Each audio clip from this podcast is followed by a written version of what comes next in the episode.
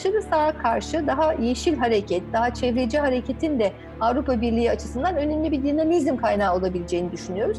Bu anlamda da yani siyasi denklemi de kendi lehine değiştirebilmek açısından Avrupa Birliği'nin önemli bir hamlesi diye görüyorum. Bizi Kısa Dalga Net ve podcast platformlarından dinleyebilirsiniz. Merhaba. Dünya Sağlık Örgütü'nün koronavirüsün yol açtığı COVID-19 hastalığını pandemi ilan ettiği 12 Mart 2020 tarihinden sadece 8 gün sonra bir Avrupa Birliği ülkesinin, İtalya'nın yeni pandemi merkezi olmasıyla birlikte hem Avrupa Birliği'nin kurumsal olarak hem de tek tek üye ülkelerin salgınla mücadele politikalarının birliğin geleceğini nasıl etkileyeceği, bir süredir zaten test altında olan Avrupa bütünleşmesinin nasıl bir yöne evrileceği dünya siyasetinin en önemli tartışma konularından biri haline geldi. Salgının başlarında İtalya'nın acil yardım çağrısına etkili bir yanıt üretilememesi, birlik kurumlarının hızlı ve etkin bir inisiyatif ortaya koyamamaları ve bu ilk dönemde Almanya ve Fransa arasında ortaya çıkan görüş farklılığı yoğun eleştirilere ve salgının AB için yeni bir çözülme dinamiği olup olamayacağı tartışmalarına sebep olmuştu. Bu tartışmalar 27 Mayıs'ta Komisyon Başkanı Ursula von der Leyen tarafından açıklanan ve esas olarak elbette ki bir Alman-Fransız uzlaşmasına dayanan yeniden yapılanma paketi EU Recovery Package ile yeni bir yöne evrildi. Bir yandan Şansölye Merkel'in kimi yazarlara göre tarihi bir adım atarak bu uzlaşmayı sağlaması, diğer yandan da bu fonun oluşturulma ve kullanılma biçiminin gerektireceği yeni kurumsal adımlar AB açısından bir aydınlanma momenti olarak nitelendiriliyor. Komisyon Başkanı'nın Avrupa Parlamentosu'nda paketi açıklarken yaptığı konuşmadaki şu vurgusu ise oldukça önemli.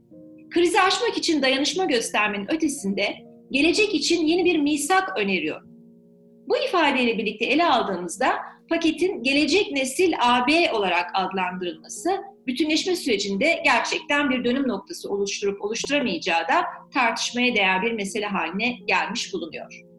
Bu çerçevede bugün dış politikada kadınların değerli iki Avrupa Birliği uzmanı Çiğdem Nas ve Çiğdem Üstün hocalarımla birlikte COVID-19'un Avrupa Birliği üzerindeki etkilerini e, konuşacağız. Salgının başlarında her iki hocamız da dış politikada kadınlar için birer not hazırladılar. O günden bugüne birçok gelişme oldu. Tüm bu süreci ve öne çıkan meseleleri ele almaya çalışacağız. Hoş geldiniz sevgili hocalarım. Hoş bulduk. Teşekkürler. Ee, şimdi ilk olarak e, salgın öncesi aslında Avrupa Birliği'nin içinde bulunduğu kriz durumunun kısa bir değerlendirmesini almak istiyorum ben özellikle Çiğdem Nas e, hocamdan. E, çünkü bu salgına aslında bütünleşmenin son 10 yılına damgasını vuran bir kriz içinde yakalandı AB. Özellikle 2008'den sonra ortaya çıkan, arka arka ortaya çıkan kriz dinamikleri 2020'ye geldiğimizde bütünleşmeyi gerçekten çok zorlu bir e, aşamaya taşımıştı ve 2016'daki bir Brexit krizinden beri bir Avrupa'nın geleceği tartışmasıdır e, gidiyordu. E, nasıl bir e, Avrupa Birliği e, salgına yakalandı? Hani bütün bir bütünleşme tarihi içerisinde bakarsak e, Avrupa Birliği'nin salgın öncesi durumunu kısaca şöyle bir toparlayalım dinleyicilerimiz için sevgili hocam. Yani Avrupa Birliği evet bir süredir krizlerle e, anıldı. E, aslında ben genelde bu 2005 yılında işte anayasal antlaşmanın reddine dayandırıyorum. Yani çünkü o güne kadar Avrupa Birliği adım adım e, işte antlaşmalar yoluyla e, bütünleşmeyi ileri safhalara taşırken e, o bir engel oluşturdu e, ve de aynı zamanda halk oyuyla Fransa ve Hollanda'da reddedilmesi e, yani daha entegre, daha federal e, bir yapıya bürünmüş bir Avrupa Birliği'ne aslında kamuoylarındaki direnci de ortaya koymuş oldu. Bir de iki kurucu ülkede bunun olması hakikaten bir Avrupa Birliği'nin yani yaşamsal aslında bir e, varoluşsal bir diyelim kriz yaşadığını da ortaya koymuş oldu. Daha sonra bunu bir şekilde aşılabildi. İşte Lizbon Antlaşması'yla tekrar bir kurumsal reformla yola koyuldular. Ancak onun üzerine tekrar işte dediğiniz gibi 2008 küresel finansal krizi geldi. E, Amerika Birleşik Devletleri ile çok entegre olan e, finansal yapı, işte bankalar, e, borçlanma, hükümetlerin borçlanması, aşırı bir e, borçluluğun ortaya çıktığını gördük. Ve orada da aslında bir yerde avro alanının eksiklikleri ortaya çıkmış oldu. Yani bir ekonomik parasal birlik, bir e, tek para birimi olmasına rağmen işte finansal olarak, e, mali olarak aslında bir birlik haline gelememiş olduğu ortaya çıktı.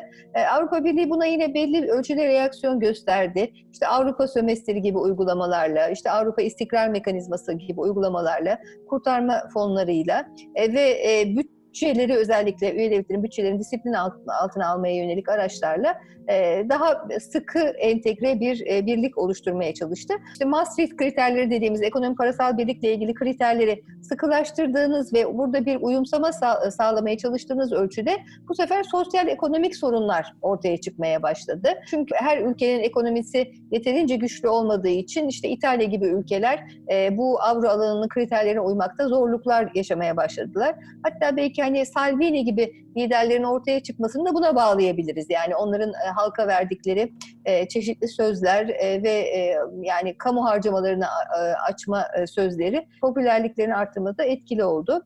E, daha sonra bunun üzerine işte mülteci krizi geldi. Burada da e, Avrupa Birliği başta bir dayanışma yönelik e, önlemler almaya çalıştı. Gönüllülük esasında bir kota sistemi oluşturmaya çalıştı ama işte buna uymayan ülkeler bu sistemin işlemesini zorlaştırdı. İşte Brexit e, ilk defa olarak bir üye devletin e, çıkış süreci. Bütün bunlar yani Avrupa Birliği'nin hani ileriye adım atmaktansa e, üzerine doğru gelen bu sorunlarla mücadele etmeye yani biraz daha içine dönmeye e, itti. E, öte yandan işte Rusya e, bir yanda işte Ukrayna krizi, e, Orta Doğu'daki bu özellikle Suriye'deki ve bugün işte Libya gibi ülkelerdeki yaşanan çatışmalar bunların Avrupa Birliği'ne yansımaları ve Avrupa Birliği'nin buralarda önemli bir varlık gösterememesi, bütün bunlar aslında Avrupa Birliği'nin hem e, uluslu yani değişen ulus, uluslararası sistemdeki rolü açısından aslında bir kriz belki. Yani bir global aktör olması, bunun gerektirdiği koşulları sağlayıp sağlayamayacağı, kendi yapısal e, kendi içinde yani bu şekilde devam ettirebilecek mi? 27 üyeli e, bir birlik halinde yoksa bir işte farklılaştırılmış entegrasyon mu gerekecek? E, bazı üye devletlerin işte değerlerde ayrılması, Avrupa Birliği e, yapılarına e, isyankar e, bir tutum sergilemesi yeni giren üyelerden. E, bütün bunlar hem kendi içindeki dayanışma, bütünleşme ilkelerinin e, ne ölçüde uygulanabildiği, e, Avrupa'nın geleceğine ilişkin aslında üye devletlerin farklı nosyonları mı var, e, ortak bir vizyon oluşturabilecekler mi? Bütün bunlarda çok önemli aslında varoluşsal sorunlar e, yaşıyordu Avrupa Birliği. E, son aşamaya geldiğimizde de e, yeni bir komisyon e, göreve başlamıştı Aralık itibariyle. Daha önce işte Mayıs'ta yapılan seçimlerle parlamentoda yenilenmişti. Böyle bir hani bayrak değişimi vardı ve yeni komisyonda bu Avrupa Birliği'ni canlandırmaya yönelik bazı şeylerle gelmişti. Bazı diyelim projelerle işte yeşil anlaşma gibi ve aslında hani artık ileriye doğru adım atacağız. Artık bu içinde olduğumuz bu kısır döngüden çıkacağız gibi bir diyelim ruh haliyle gelen komisyon birden bu krizle karşı karşıya kaldı diyebiliriz. Kulağınız bizde. Kısa Dalga'da olsun. Haber Podcast'te buluştu. Kısa Dalga yayında. Çok teşekkürler. Tam da bu noktadan e, Çiğdem Üstün Hocam'a dönüyorum. Çünkü e, özellikle onun yazdığı rapor buna odaklanmıştı. 1 Aralık e, 2019'da iş başına yeni bir komisyon gelmişti. E, ve dediğimiz gibi böyle yepyeni bir gündemle işte birçok yeni kavramı ortaya atarak Avrupa Birliği bütünleşme siyasetine e, gerçekten bu e, krizlerle geçen 5 yılın 2014 ile 2019 arasında bu krizlerle geçen 5 yılın hem işte e, tekrardan ele alınması, o, o kriz dinamiklerinin e, yeni çözümlerle belki daha iyi yönetilmesi hem de Avrupa Birliği'ne yeni bir takım gündemlerin e, sunulması bakımından. E, Covid-19 e, bir anda hakikaten Avrupa Birliği'ni e, çok bütün bu e, yenilenme süreçlerine büyük bir darbe gibi aslında ortaya çıktı. Çünkü salgının e, ilk aylarında Avrupa Birliği'nin e, verdiği ilk tepkiler e, birçok yazar tarafından ve Çiğdem Üstün hocam tarafından da hayal kırıklığı olarak tanımlandı. Şimdi ona şunu sorayım. Yani Avrupa kurumları, Avrupa Birliği kurumları ve tek tek üye ülkeler neden böyle bir hayal kırıklığı tartışmasının tarafı oldular ilk dönemlerde özellikle? Teşekkür ederim. Ya evet ben hayal kırıklığı olarak tanımlayanlardan biriyim. Çok büyük hayal kırıklığına e, uğrayanlardanım çünkü. Ama sonra üzerinde düşündüğüm zaman şuna karar verdim. Avrupa Birliği'nden çok şey bekliyoruz belki. O yüzden de verdiği tepkiler bizlerde hayal kırıklığı yarattı. Avrupa Birliği'nin çalışmış, Avrupa Birliği'nin değerleri üzerinde çalışmış ve Avrupa Birliği'nin yani Çiğdem Hoca'nın anlattığı bütün bu süreç içerisinde krizlerle nasıl başa çıktığı, o anlaşmalar yani ilk kurulduğu zamandan birlik haline gelmiş olması, bütün bunları çalışan insanlar olarak Avrupa Birliği'nden bizlerin beklentisi belki de e, daha fazla dayanışma göstermesi ve değerlerinin üzerine daha fazla değerlerin üzerinde daha fazla durabilmesiydi. Ee, özellikle 2016 yılındaki o göçmen anlaşmasıyla beraber Avrupa Birliği'nin değerlerine olan bağlılığı çok sorgulanıyordu. Ee, ve burada zaten bir hayal kırıklığı başladı Avrupa Birliği ilgili. Değerlerine olan bağlılığı sorgulandıkça, bu çoğaldıkça Avrupa Birliği'nden dayanışma, insan haklarına, e, diğer bütün uluslararası aktörlerden daha fazla önem vermesi beklenirken bunu vermediğini görmek ister istemez bir e, hayal kırıklığı yarattı. Ya e, ülkelerde niye tek tek ülkelerde hayal kırıklığına uğruyoruz? O, o da e, şöyle ki Avrupa Birliği'ne üye olma sürecinde bu ülkelerin belirli bir sosyalleşme sürecinden geçtikleri, bu Avrupa eskiden Avrupalılaşma, Avrupalılaşma diye konuştuğumuz bu süreci tamamladıklarında değerler kabullenmiş ve onlar üzerinde politikalar üreten, onları devam ettiren ülkeler olmasını bekliyorduk. Şimdi göçmen meselesinde öyle olmadığı görüldü. Dolayısıyla o, o bir e, üye ülkeler, tek tek ülkelerde de e, hayal kırıklığı yarattı. Covid-19'la beraber de gene devletlerin kendi içine kapandıkları, kendilerini korumaya aldıkları ama bu birlik fikrinden bir anda uzaklaştıkları. Yani İtalya mesela örneğinde birlik dışındaki ülkelerden daha fazla yardım gördük demiş olmaları. Daha sonra zaten hani komisyon başkanının biz İtalya'nın yanında olamadık diye aslında bir özür dilemesi. Hani bütün bunlar o işte beklentilerimizin karşılanmaması, o birlik fikrinden beklentilerimizin karşılanmadığını bizi gösterdi. Biz AB'den beklediklerimizi göremedikçe de hayal kırıklığına uğradık hayal tabii. Kırıklığı, evet. Fakat tabii hava biraz değişmiş e, görünüyor. Bu 27 Mayıs'ta açıklanan paketle birlikte. Bugün e, Çiğdem Nas hocamın paylaştığı Der Spiegel'de yayınlanan bir yazıda da işte Avrupa Birliği'ni şu anda iki kadın daha doğrusu 1 Temmuz'da Almanya'nın dönem başkanlığını e, almasıyla birlikte Merkel'in e, konsey başkanı olacak olması ve Avrupa Birliği'ni birbirine çok iyi tanıyan, birlikte siyaset yapmış, birlikte Almanya'yı yönetmiş iki kadının Avrupa Birliği'nin kriz yönetimi sürecini yürütecek iki kadının ne tür farklılıklar yaratabileceği tartışılıyor. Dolayısıyla hakikaten paketin içeriği hem bu iki kadın liderin bakalım deneyimlerini ne ölçüde bir yenilen yenilenme ve dönüşüm e, çerçevesinde e, değerlendirebilecekleri gerçekten e, merakla takip ettiğimiz konular olmaya devam edecek. Şimdi şöyle yapalım isterseniz. Birçok konu başlığı var. Salgından önce gelen hali hazırda birliği zorlayan gündemler vardı. Salgınla birlikte ortaya çıkan yeni gündemler var. Bunları tek tek kısaca ele alalım. Dinleyicilerimiz için böyle genel bir AB profili çizmiş olalım. Biraz normalden uzun tutacağımız bir podcast olacak bu nedenle. Dolayısıyla Çiğdem Nas Hocam'la bu biraz bu geriden gelen e, dönüş e, gündemleri aslında ele almak istiyorum. Çok önemli mesela salgınla mücadele sürecinden önce bütünleşmenin e, geleceğini belirleyen e, sorun alanları var. Bunların başında avro alanı reformu e, geliyordu. Yine göç krizinin yönetimi çok önemli başlıktı. Sizler de altını çizdiniz. İşte aşırı sağ ve yükselmekte olan e, liberal olmayan rejimler sorunu vardı. Avrupa şüpheciliğinin yükselişte olması, Avrupa Birliği değerlerinin Schengen restorasyonu, Brexit müzakereleri ve genişleme gibi çok önemli başlıklar vardı bu e, Covid öncesi Avrupa'da. E, hepsini tabii kısa kısa ele alabileceğiz ama şöyle başlayalım. Avro alanı reformu, aşırı sağ, liberal olmayan rejimlerle ilgili politikalar. Bunları mesela şöyle bir e, iki önemli eski gündem maddesi olarak ele alırsak Çiğdem Nas Hocam e, neler söyleyebiliriz? Şimdi bu avro alanı e, reformunda çünkü bir, yaz, bir grup yazar dedi ki işte zaten bir kere daha avro alanının ne kadar kırılgan olduğu ve temel e, araçlardan yoksun olduğu ortaya çıktı. E, kriz yönetiminde gerçekten Avrupa Birliği'nin e, finansal bütünleşme sürecinin sorunları bir kez daha Covid-19'da da ortaya çıktı diyenler var. Yeni pakette de e, Avrupa Birliği'ni e, finansal birlik e, yolunda zorlayacak, e, ona yeni bir itki kazandırabilecek, yeni bir takım kurumsal dönümlere tetikleyebilecek e, açılımlar var. Nasıl değerlendirebiliriz Eurozone ile ilgili olarak COVID-19 Avrupa Birliği'ni e, nereye doğru götürebilir? Önemli aslında adımlar atıldı. E, eğer üye devletler arasında da uzlaşıya varılabilirse bu avro alanının geleceği açısından da önemli olacak.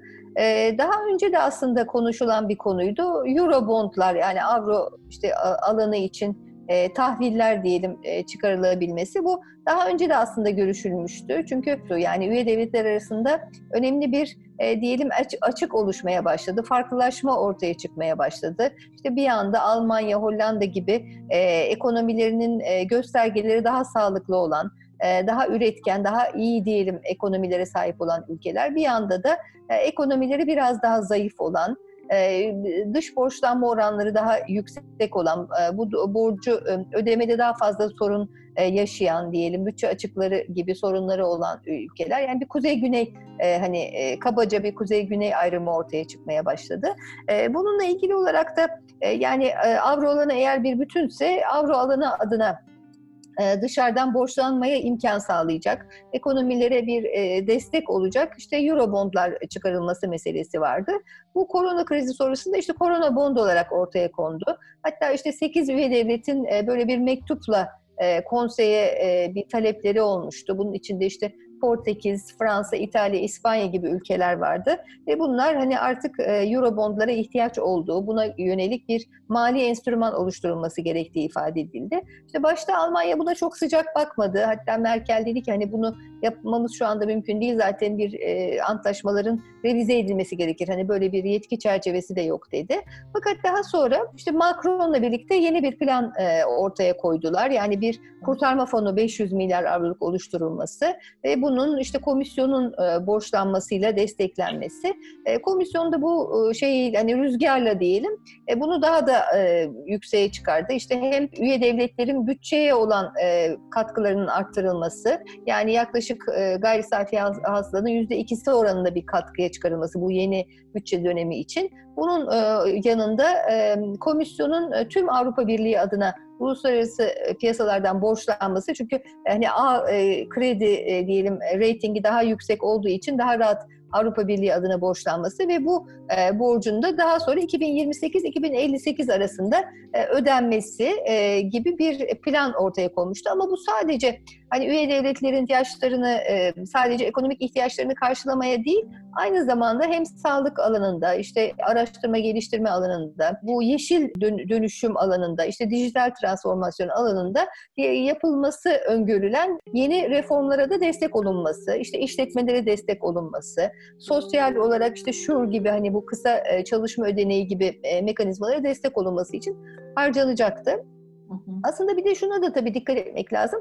Yani bu e, süreç içinde Avrupa Birliği birçok politikasını yeniliyor.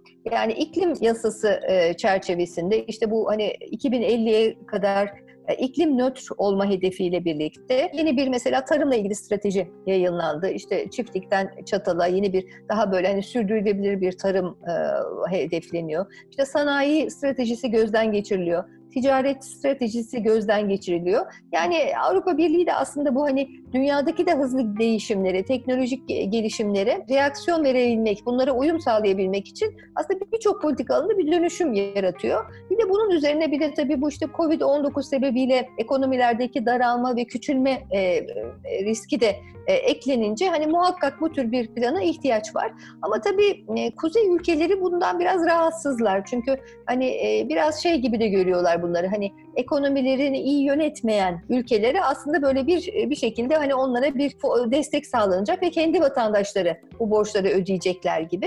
Bir de tabii e, her ülkenin kendi iç politikasında da bu aynı zamanda bir konu oluyor ve buna karşı çıkan liderler de bir yerde halk e, desteği de alıyorlar. Yani biz hani kendimizi sömürtmeyeceğiz, kendi vatandaşlarımızın vergilerini bu konulara harcamayacağız diye. Ben şöyle düşünüyorum, bir şekilde bir uzlaşıya varacaklar diye düşünüyorum. Ama tabii işte bu kredi hibe dengesi burada çok önemli. Yani güney ülkeleri bunun daha çok da bir hibe olmasını istiyorlar ama kuzey ülkeleri de bunun geri ödenmesi gerektiğini e, düşünüyorlar. E, hangi alanlara aktarılacak? Hani bu, bu mekanizmaların biraz daha belki netleştirilmesi gerekiyor. Bu yayınlanan işte bu Next Generation EU adı altında yayınlanan bu genel e, paketin içine baktığımızda mesela bunun içinde şey olduğunu görüyoruz. Yani özellikle e, dijital e, transformasyon ve e, yeşil transformasyona e, bazı fonların aktarılacağını görüyoruz. E, yine Avrupa Birliği'nin kendi içindeki bu uyum fonları yani özellikle az gelişmiş bölgelere ya da işte sosyal sorunlar, işsizlik gibi sorunlar yaşayan bölgelere aktarılacak fonların güçlendirileceği, bunları işte yaklaşık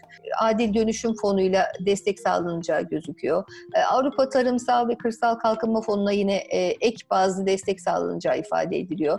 E, şirketlere yönelik şeyler var. Özellikle e, hani iflasın eşiğine gelmiş olan ya da böyle bir tehlikeyle karşı karşıya olan şirketlere olacak e, destekler söz konusu. İşte genç işsizliğine yönelik çeşitli programlara destek verileceği söyleniyor. E, yeni bir e, sağlık programı özellikle bu e, Çiğdem Hoca'nın bahsettiği hani bu hazırlıksız yakalanma ve gerçekten beklentileri karşılayamaması Avrupa Birliği'nin buna karşı gelecekteki sağlık krizlerine karşı Avrupa Birliği'nin bir sağlık politikası olması, belki e, burada bir öncü rol oynaması e, öngörülüyor.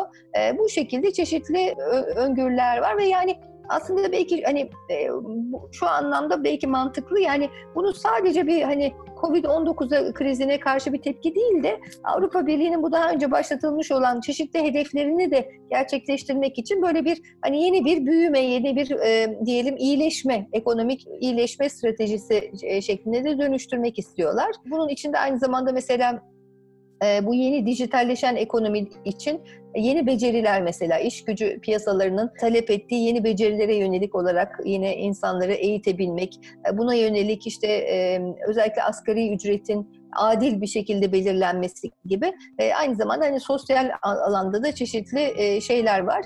Yani daha dayanıklı diyelim, daha dirençli bir hani bu resilience bugünlerde çok e, şey kullanılan bir kelime. E, böyle bir Avrupa Birliği yaratabilmek için bunlar kullanılacak gibi e, gözüküyor. Bir de tabii daha önceden bu Team Europe adı altında özellikle Avrupa Birliği'nin çevresindeki ülkeleri, hani komşuluk alanındaki ülkelere yönelik de özellikle bu krizle mücadele için bazı fonlar vardı.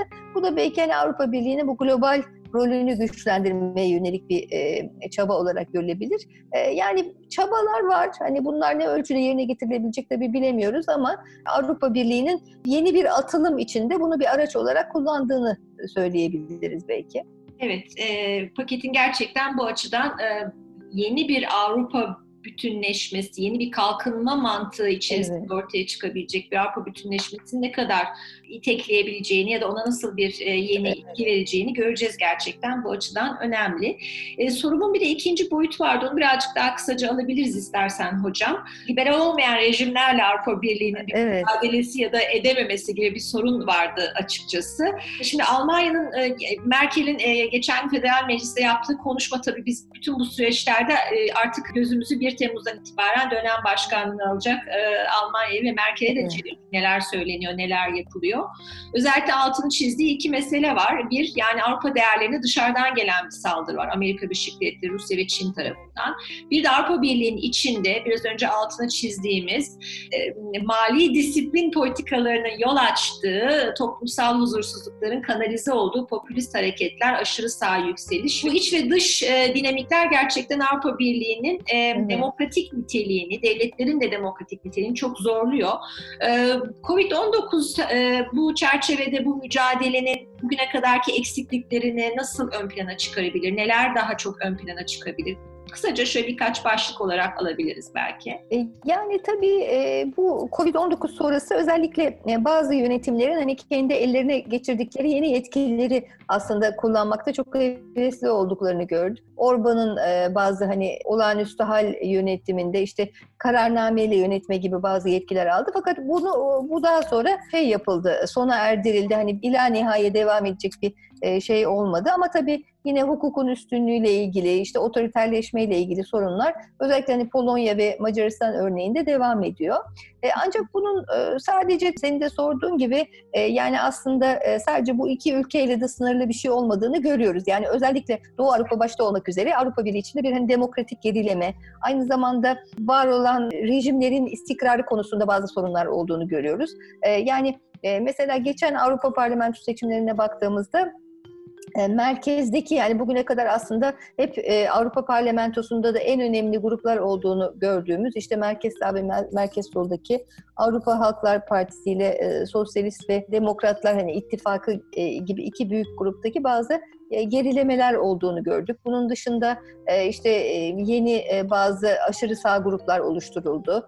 Ancak öte yandan işte çevre yani yeşil hareketin ve liberal hareketin de biraz daha ağırlık kazandığını gördük. Yani siyaset değişiyor Avrupa Birliği içinde. O alıştığımız siyaset artık zor ilerliyor. Yani mesela Almanya'da da bunu görüyoruz. İşte bu CDU'da görüyoruz. Yani kendi içinde e, sorunlar var. İşte Merkel'i çok merkezci bulan, daha sağ AFD'ye yakın kesimler olduğunu görüyoruz. Yani böyle siyaset içinde yeni gerilim hatları var e, ve bunlar da hani bir süre daha herhalde e, çok öngörülemez bir e, siyasi tabloyu ortaya çıkaracak gibi. Covid-19 krizi sonrasında mesela AFD bundan çok fazla faydalanamadı. Yani Merkel biraz daha başarılı bir şekilde bunu yönettiği için hani AFD'nin burada çok e, faydalanamadığını görüyoruz. E, işte Salvini de yine İtalya'da özellikle hani bu Conte'nin ön, ön plana çıkmasıyla birlikte hani e, çok fazla hani şey yapamadılar. E, yani e, belki şöyle bir şey söylenebilir. Artık hani hükümetlere bakarken e, yeni bazı kriterler ön plana çıkmış olacak. Yani bu tür krizleri ne kadar iyi yönetebildikleri, ne kadar iyi karar alabildikleri, ne kadar e, bu tür e, krizlere hazırlıklı olabildikleri gibi yeni bazı belki kriterler ortaya çıkacak. Yani e, demokratik olmanın yanında aynı zamanda işte e, şey iyi bir yönetim sergileyip sergileyemedikleri, işte dirençli olup olmadıkları bu tür krizlere karşı öyle bir tabloyla karşı karşıyayız. Avrupa Birliği açısından baktığımızda da tabii bu ülkeler önemli bir sorun. Yani çünkü hani Avrupa Birliği e, eğer bir siyasi birliğe doğru ilerlemek istiyorsa muhakkak ortak değerler üzerinde bunu yapmak e, zorunda. Ancak Avrupa Birliği içine dahi e, bu tür otoriterleşmenin girmesi Avrupa Birliği'nin yakın çevresindeki olan e, şeyini de inandırıcılığını da etkiliyor. Yani bir aday ülke açısından baktığınızda işte aday ülkeye çeşitli kriterler getiriliyor ama o ülke e, bakıyor ki Avrupa Birliği içinde dahi bu kriterleri karşılayamayan üye devletler var. Bu da tabii hani bir hem bütünlük açısından yani hani integrity dediğimiz Avrupa Birliği'nin e, bütünlüğü açısından e, sorunlar yaratıyor. Hem de dışarıdaki e, kredibilitesi açısından sorunlar yaratıyor. Ama işte tabii bu konseydeki oy ağırlıkları sebebiyle işte özellikle mesela bu tür ülkeler arasındaki dayanışma sebebiyle radikal e, şeyler alınamıyor.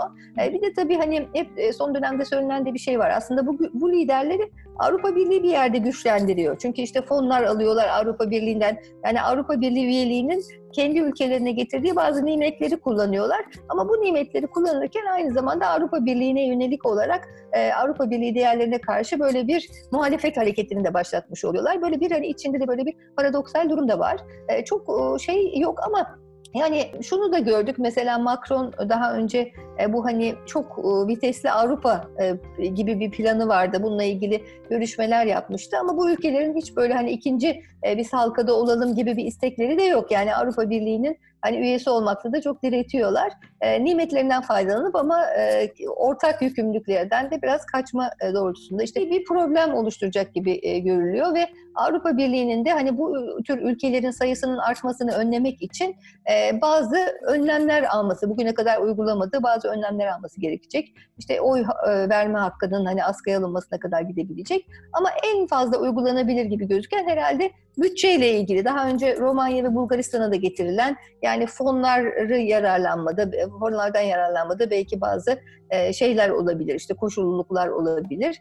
E, bu mesela son dönemde özellikle Orban'ın e, aldığı önlemlerin ya da işte aldığı yetkilerin sonlandırılmasında biraz Avrupa Birliği içindeki baskılarda etkili oldu. Çünkü Orban için Avrupa Halklar Partisi içinde kalmak önemli. Yani aşırı sağ olarak adlandırılmamak, merkez sağ içinde almak bu da hani bir yerde bir AB içinde bir baskı e, oluşturmuş oldu. Ancak yani çok daha komplike aslında sorunlar var. İşte ne bileyim bu ülkelerden batıya olan göç, e, özellikle genç nüfusun bu ülkelerde yaşamaması, batıya kayması yani bütün e, iç içe geçmiş çeşitli sorunlar var ama önemli bir hani siyasi sistemlerle ilgili bir kriz e, de var aynı zamanda yani bu siyasi sistemlerin geleceği. Aynı zamanda yeni e, teknolojilerin işte sosyal medya kullanımının demokrasiye getirdiği bazı yeni hem imkanlar hem yeni bazı sınamalar bütün bunlar tabii bu süreci etkiliyor. Haber podcastle buluştu. Kısa Dalga Podcast. Kulağınız bizde, kısa dalgada olsun.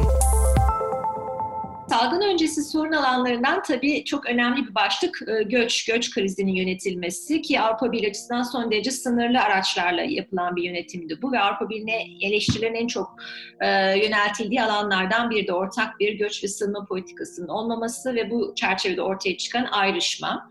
E, ve diğer önemli başlıklar da genişleme ve Brexit'ti. Şimdi bunları Çiğdem Üstün hocamla ele alalım. Popülizm bir e, Covid-19 popülizme bir fren yaptırdı dedik ama göç bu olayın dışında galiba. Değil mi hocam ne dersin?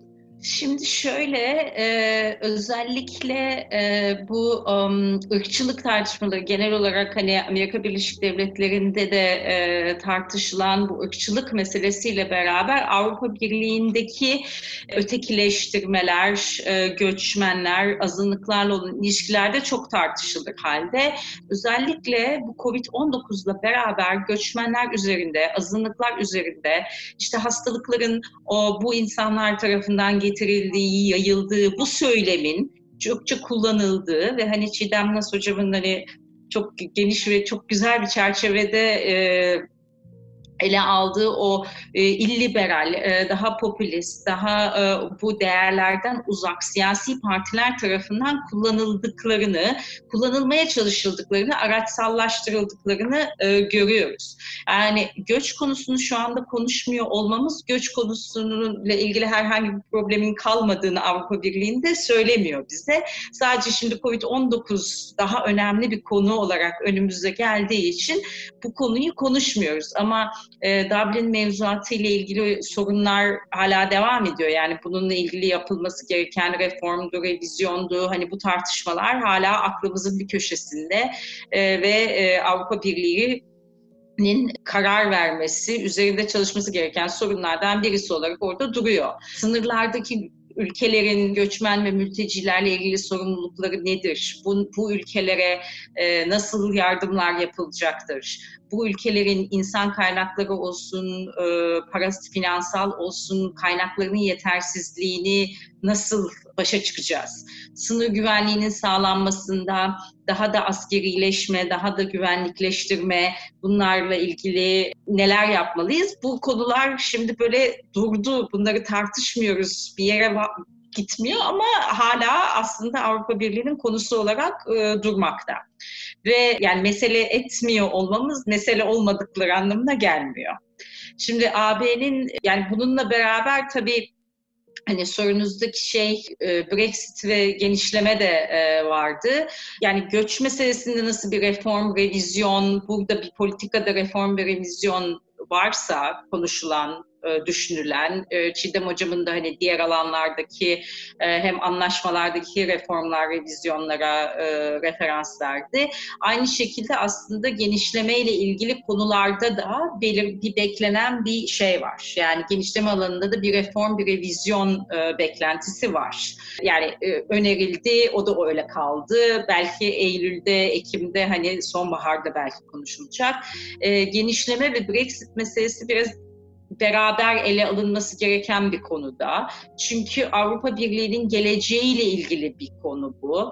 Ee, İngiltere'de İngiltere ile ilişkisi karmaşık. Yani büyük bir ihtimalle de bir uzatma falan alınmayacak ama hani nasıl bir model üzerinde olacak henüz onu tam olarak bilmiyoruz. Hani Avustralya modeli diye bir öneri var eğer e, anlaşma olmazsa ya da anlaşmalı olursa başka modeller üzerindeki tartışmalar var ama hani bu biraz karmaşık. Ne olacağını henüz bilmiyoruz.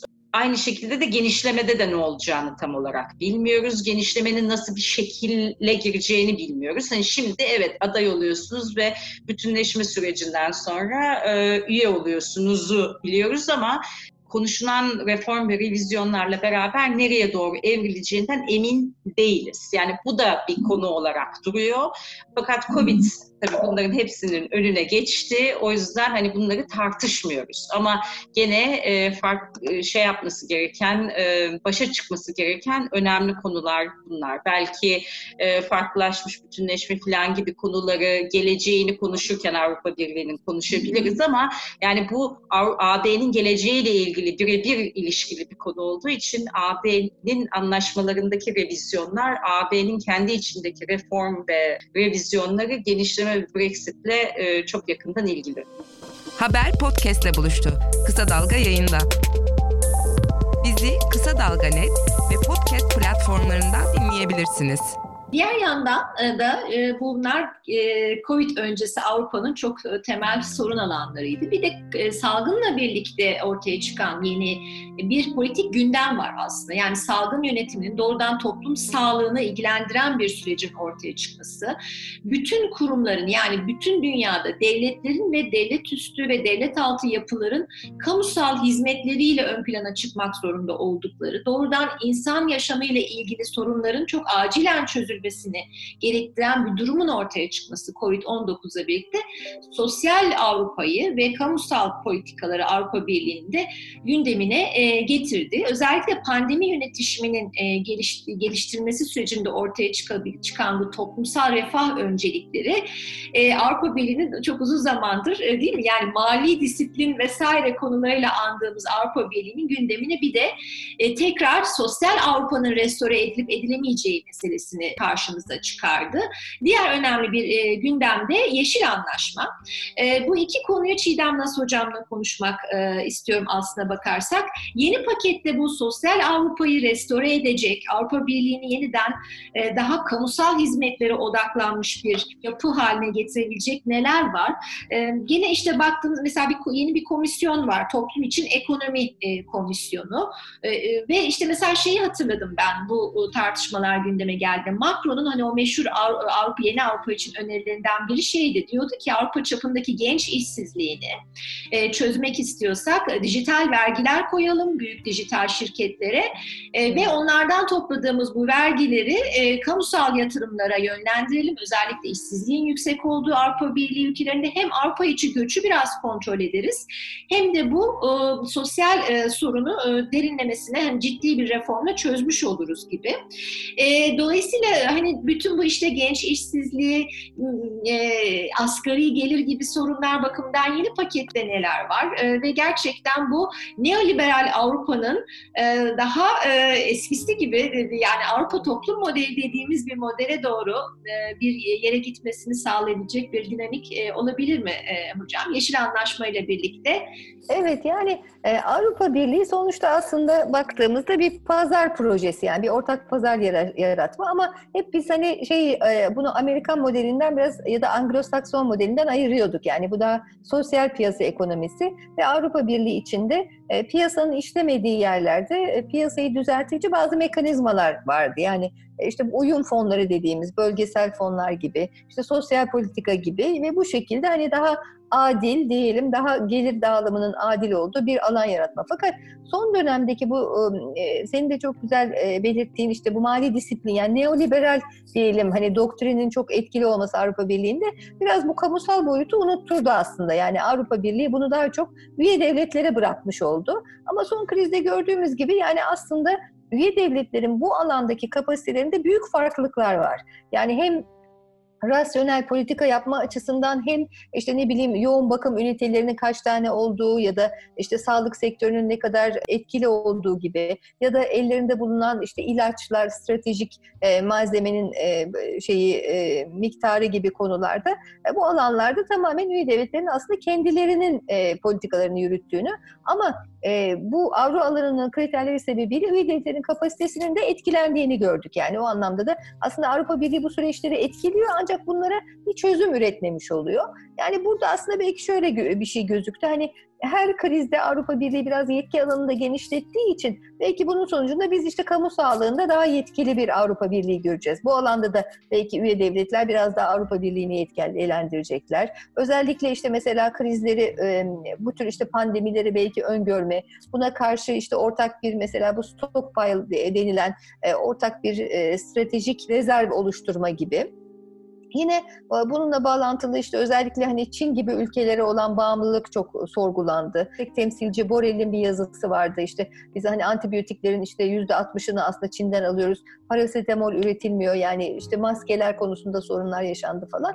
Yani bu anlamlarda aslında daha böyle hani kamu, kamu politikalarında işte sosyal politika olsun, sağlık politikası olsun daha etkili bir Avrupa olması gerekecek yani. Çünkü böyle bir beklenti var yani mesela İtalya'daki bu durumda da e, ortaya çıktı. Yani e, mesela Avrupa Birliği uzmanları olarak biz dedik ki bu Avrupa Birliği'nin yetki alanında değil e, kamu sağlığı. O yüzden hani Avrupa Birliği'ni suçlamak aslında yersiz ama e, vatandaş bu şekilde bakmıyor. Yani vatandaş diyor ki ben bir krizdeysem e, o zaman Avrupa Birliği'nden ya da diğer üye devletlerden destek almak istiyorum. Yani böyle beklentiler de var. E, Avrupa Birliği bu beklentileri karşılayacaksa o zaman ona daha fazla kaynak aktarmak gerekecek. Daha fazla kamu politikalarında da belki yetki arttırmak gerekecek.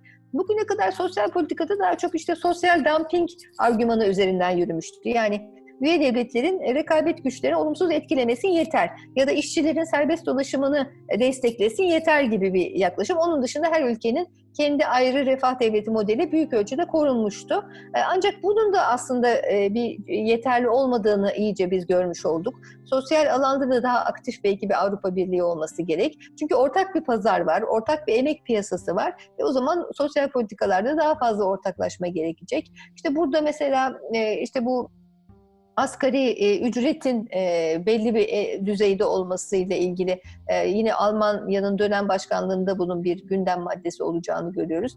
Genç işsizliği yine çok önemli bir sorun. Yani bizim ülkemizde de yaşadığımız ama Avrupa Birliği'nin özellikle güneydeki ülkelerinde yaşanan bir sorun. İşte dijital transformasyon tabii bütün meslekleri değiştiriyor, e, istihdam e, şeyini değiştiriyor. O yüzden e, eğitim politikası yani bu yeni beceriler, yeni e, işte e, e, multiversal denilen yeni becerilerin e, gençlere kazandırılması bu da yine Avrupa Birliği'nin bir e, gündem maddesi olacak gibi gözüküyor.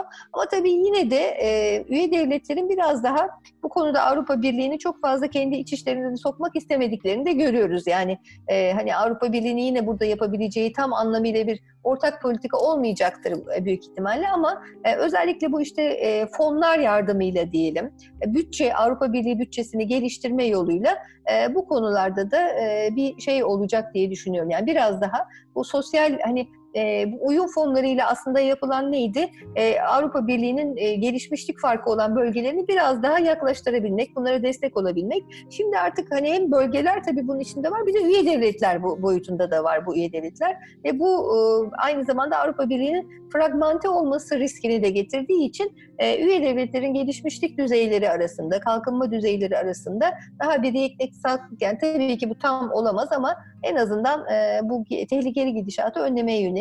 E, vergiler de burada çok önemli çünkü bu bütçenin yeni e, gelir kalemleri olarak e, komisyon e, yeni bazı e, kaynakları öneriyor. Bunun içinde de işte bu dijital vergiler, özellikle büyük multinational e, hani e, şirketlerden alınacak vergilerde bunun önemli bir kaynağını oluşturacak. İşte mali işlemlerden alınacak vergiler olabilir. Yani bu da tabii Avrupa Birliği'ne büyük bir yeni ve yetki alanı verecek. Çünkü daha önce hani e, dış e, dışarıdan gelen e, mallardan alınan gümrük tarifeleri Avrupa Birliği bütçesinin önemli bir kaynağıydı. Ama doğrudan Avrupa Birliği bütçesine gidecek bir vergi kaleminin ortaya çıkması için yeni bir yetki alanı olacak. Gerçekten kamusal bir aktör olmasının yolunu açabilir. Eğer tabii uygulamaya konulabilirse diye. Yeşil Anlaşma'da Avrupa Birliği yani biraz dünyadaki bu teknolojik gelişmelerde Avrupa Birliği aslında biraz geri kaldı belki bu Amerika ile Çin arasındaki savaşta. Ama burada bence Avrupa Birliği kendine bir gelecek gördü. Yani bu yeşil anlaşmada lider olabilir. Yeşil ekonomi, yeşil e, dönüşümde işte yeşil üretim e, e, yaratmak, e, işte yenilenebilir enerjide lider olmak, işte güneş gibi, solar enerji gibi, hidrojen şimdi çok fazla konuşuluyor. Yani bu alanlarda Avrupa Birliği'nin bir şey olması hem de e, diğer ülkelere karşı aslında bunu bir yerde bir araç olarak da kullanıyor. Özellikle bu hani karbon vergisi, sınır vergisi de çok konuşuluyor. Yani çevreyi kirleten diyelim emisyonu yüksek olan sektörlerden yapılacak, Avrupa Birliği'ne yapılacak ithalata ek vergi koymak. Yani bu şekilde hem Avrupa Birliği biraz kendi rekabet gücünü de belki yükseltmek istiyor. Hem de aynı zamanda bunu diğer ülkelere de yaymak yani bir nevi liderlik yapmak istiyor. Tabii burada da sorunlar var. Mesela Polonya gibi ülkeler e, buna aslında tam katılamayacaklarını da ifade ettiler. Çünkü işte kömüre dayalı bir ekonomi olması, hidrokarbonlara dayalı ekonomi olması. Ama e, tabii bu hedefleri koymak yine de önemli. E, çevre örgütleri için aslında bu yeterli değil çünkü onlar şeyi de eleştiriyorlar. Yani bu yine de bir büyüme stratejisi ve esas sorunlu olan büyümedir. Yani sürekli bu büyüme felsefesi. Ama bugünün dünyasında Avrupa Birliği'nin var olabilmesi de çok mümkün değil. Çünkü diğer aktörlere baktığımızda onların da e, tavırlarında bunu görüyoruz. Ama en azından hani yeşil alanda duyarlılığı arttırmak, e, 2050 iklim nötr hedefini koymak e, bence Avrupa Birliği açısından önemli. Bir de tabii aşırı sağa karşı daha yeşil hareket, daha çevreci hareketin de Avrupa Birliği açısından önemli bir dinamizm kaynağı olabileceğini düşünüyoruz. Bu anlamda da yani siyasi denklemi de kendi lehine değiştirebilmek açısından Avrupa Birliği'nin önemli bir hamlesi diye görüyorum.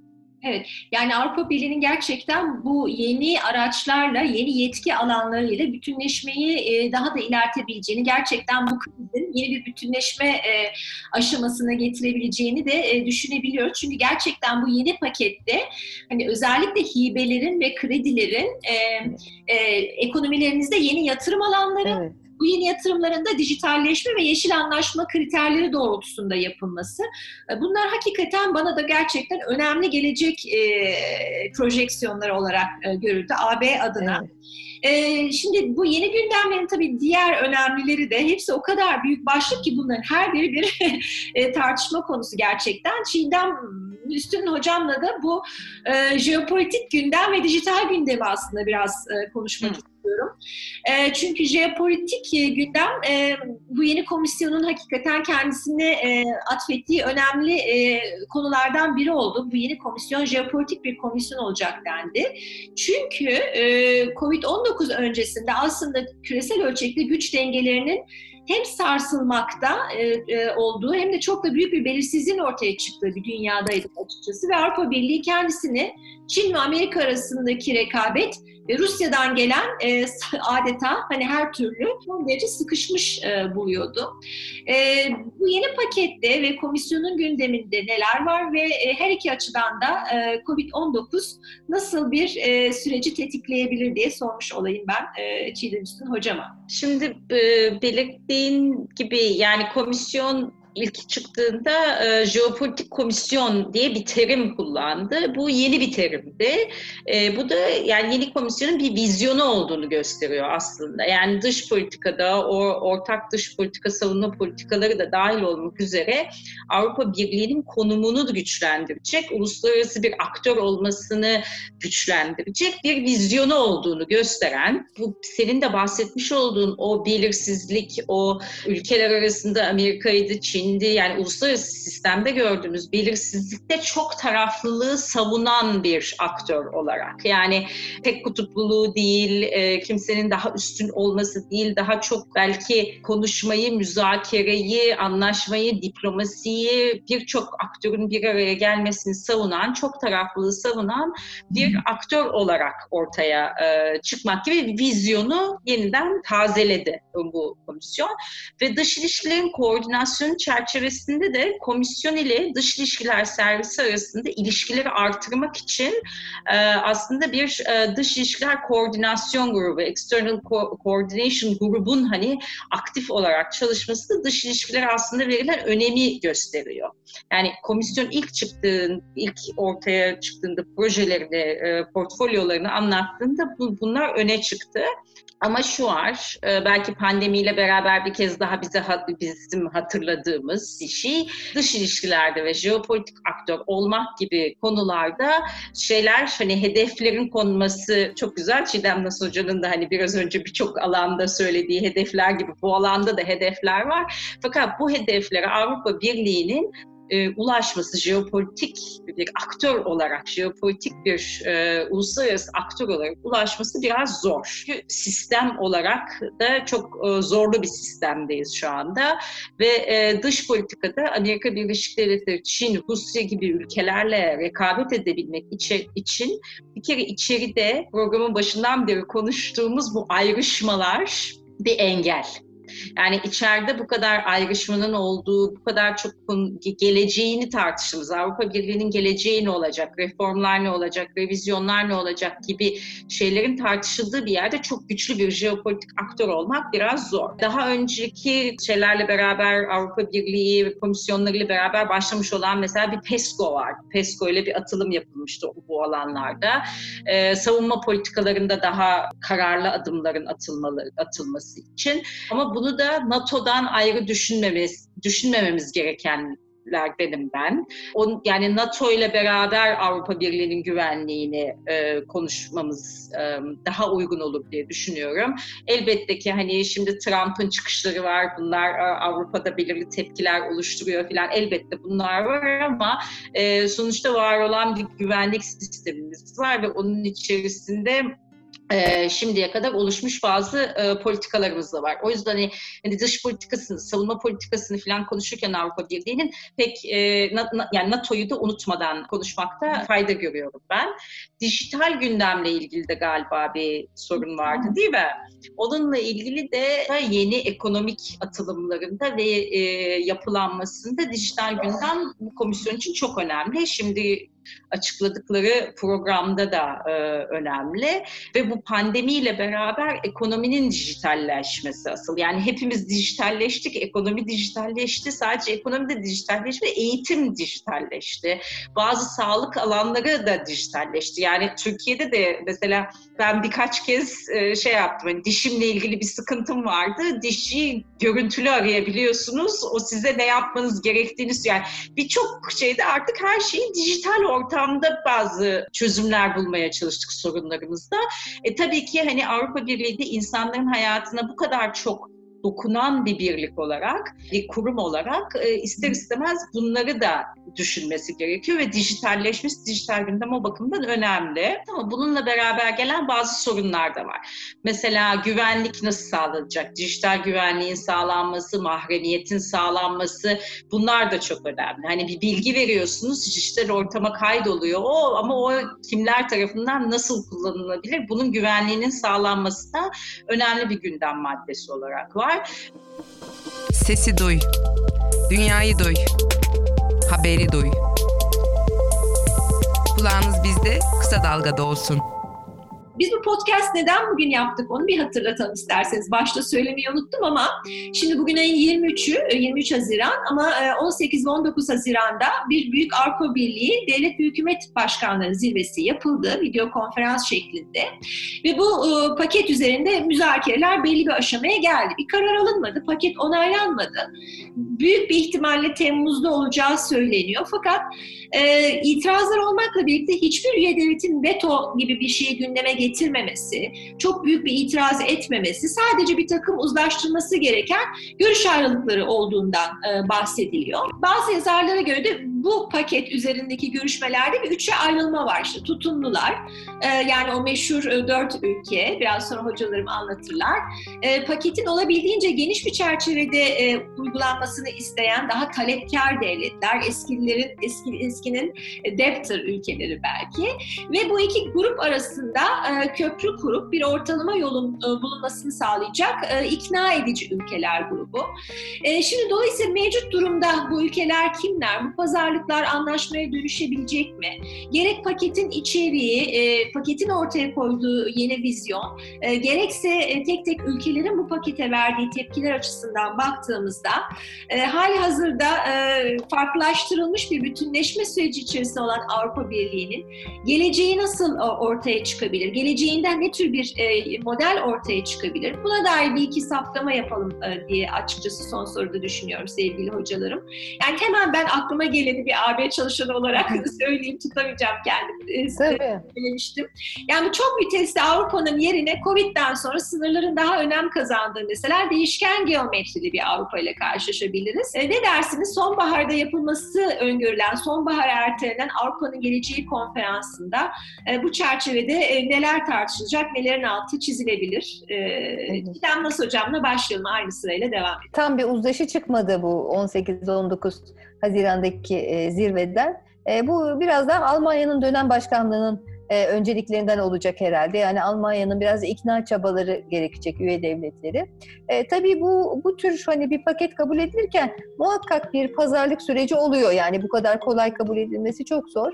E, ve her üye devlet mesela özellikle işte İspanya, İtalya gibi ülkelere bu yeni e, paketten daha fazla destek sağlanacağı düşünülüyor. E tabii bu, bu sefer Orta ve Doğu Avrupa ülkeleri de e, kendilerine bu paketten daha fazla almak isteyecekler. Özellikle işte bu hani dijital dönüşüm ve yeşil dönüşüm için yine e, var olan kaynaklardan faydalanmak isteyecekler. E, ekonominin çeşitli yapısal sorunları ile ilgili yine işsizlik gibi konularla destek almak isteyecekler. Yani üye devletler arasında bir al-ver süreci, hani bir pazarlık süreci olacağını düşünüyoruz. E, yani bu paket sonuçta bence olacak hani ama tabii e, özellikle bu işte hani borç ve hibe dengesi yani bunun tamamen koşulsuz olarak verilmemesi, aynı zamanda hangi projeleri verileceği yani bunun daha önce söylediğiniz gibi hani zaten var olan borçlar için değil de bundan sonraki ekonomideki yeniden e, yapılanma için harcanacak projeleri e, aktarılması e, söz konusu olacak. E, yine tabii özellikle İtalya gibi ülkelerden biraz daha belki ekonomik yönetişimi daha güçlendirmesi istenecek. Yani muhakkak hani belki Yunanistan'a karşı uygulanan koşulluluk kadar olmasa da yine muhakkak içine koşulluluklar konulacak. Çünkü zaten hatırlayacak olursak bu bütçe konusu zaten bu Covid-19 krizi gelmeden de bir tartışma konusuydu. Özellikle İngiltere'nin çıkışından sonra yani İngiltere gibi bir katkıda bulunan bir ülkenin çıkışından sonra bu sefer işte Hollanda gibi, Almanya gibi hani net katkıda bulunan ülkelere daha fazla şey düşeceği e, belli. E, o zaman bu ülkelerde muhakkak hani biz eğer bütçeye daha fazla katkı veriyorsak o zaman daha fazla söz sahibi olmamız gerekir e, diyecekler. Yani onlar da pazarlık güçlerini bilerek burada ekonomik güçleri doğrultusunda bir e, şey söz sahibi olmak isteyecekler. Yani önümüzdeki süreçte bunu göreceğiz diye düşünüyorum.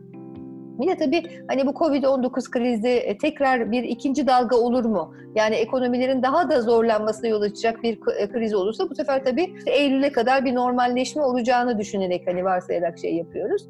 E, bir de bir sonbahardaki bu Avrupa'nın Geleceği Konferansı var. Yine hatırlayacak olursak 2016 yılında komisyon bir beyaz kitap yayınlamıştı. Bu Avrupa'nın geleceğine ilişkin farklı senaryolar öngörülmüştü. İşte daha sonra o dönemki komisyon başkanı Juncker bunların üzerine bazı ekleme düzenlemeler yapmıştı. Ancak bu böyle biraz şey kaldı hani kararsız bir şekilde kaldı. Yani ne bunlar bu senaryoların hangisinin e, gelecekte daha geçerli kazanacağı bilinemedi. E, yine programın başında Özlem Hoca'nın dediği gibi Merkel dahi işte hani son dönemini yaşayan Merkel dahi artık antlaşmalarda belki bir revizyon lafını etmeye başladı ki bu artık biraz korkulu rüya haline geldi. Özellikle bu 2005 yılında olanlardan sonra bir de kamuoyunda aşırı sağın Avrupa şüpheciliğin e, yükselişte olması sebebiyle hani bir e, yeni bir antlaşmanın e, halk oyuna sunulması hep bir korkulu rüya oldu. Ama eninde sonunda bunun yapılması gerekecek. Yani Avrupa'nın bu şekilde gitmeyeceği aşikar ve o yeni şeklin verilmesi gerekecek. E, ve e, bu Covid-19 krizi de belki dediğiniz gibi hani bir e, değişken geometrili bir Avrupa Birliği açısından önemli belki sonuçlar yaratabilir. Ülkeler arasındaki bu dengesizlikleri biraz daha e, gidermek gerekiyor belki yani hem değerler açısından, siyasi sistemler açısından, ekonomik e, dirençlilik açısından yani çünkü bu artık kontrol edilemez bir hale doğru gidiyor. Bir de genişleme gündemi var ve bu genişlemeyle gelecek olan ülkeler de sorunları çözüm sunacak değil, daha beter sorunları e, şey yapacak ülkeler, derinleştirecek ülkeler. Çünkü bunlar da hani Macaristan gibi böyle biraz otoriterleşmenin olduğu, hukukun üstünlüğü sorunların olduğu ülkeler.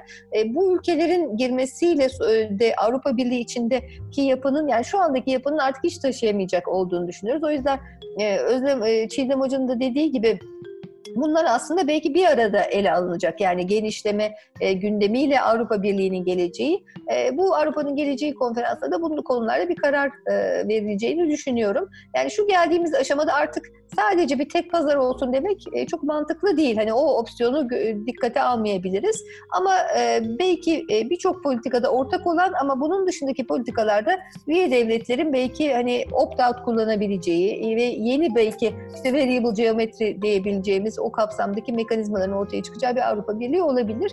Bunun için de muhakkak yeni bir antlaşma zemini gerekiyor. Önümüzdeki süreçte de bunları yaşayacağız diye düşünüyorum.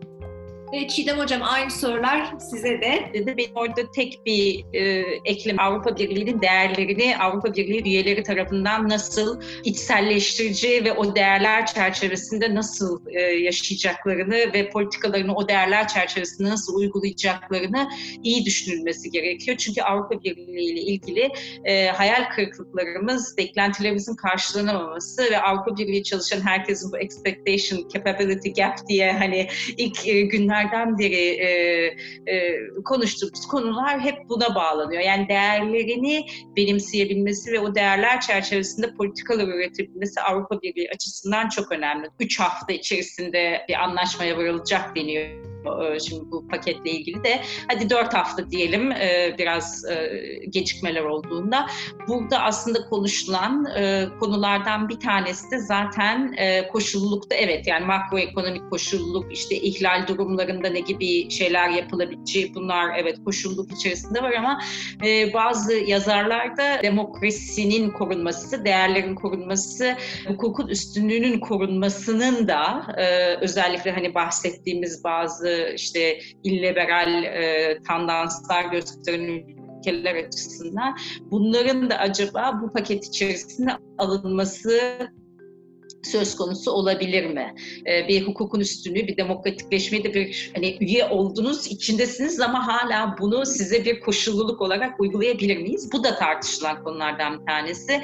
Yani o yüzden bence Avrupa Birliği'nin geleceğinde eğer Avrupa Birliği uluslararası bir aktör olacağım diyorsa, insanların hayatına dokunacağım diyorsa, göç konusu, her her konu yani her bahsettiğimiz burada bahsettiğimiz her konu için değerlerine önem vermesi ve değerlerini bir şekilde koruyabilmenin yolu yolunu bulması gerekiyor bu revizyon reform hareketleri içerisinde. Peki değerli hocalarım çok çok teşekkür ediyorum. Ee, gerçekten e, artık makale yazmayacağız herhalde podcast yapacağız çünkü evet. burada gerçekten AB çalışanlarına e, özellikle bu konuyu merak edenlere ve öğrencilere gerçekten çok geniş çok güzel bir çerçeve çizdik diye düşünüyorum.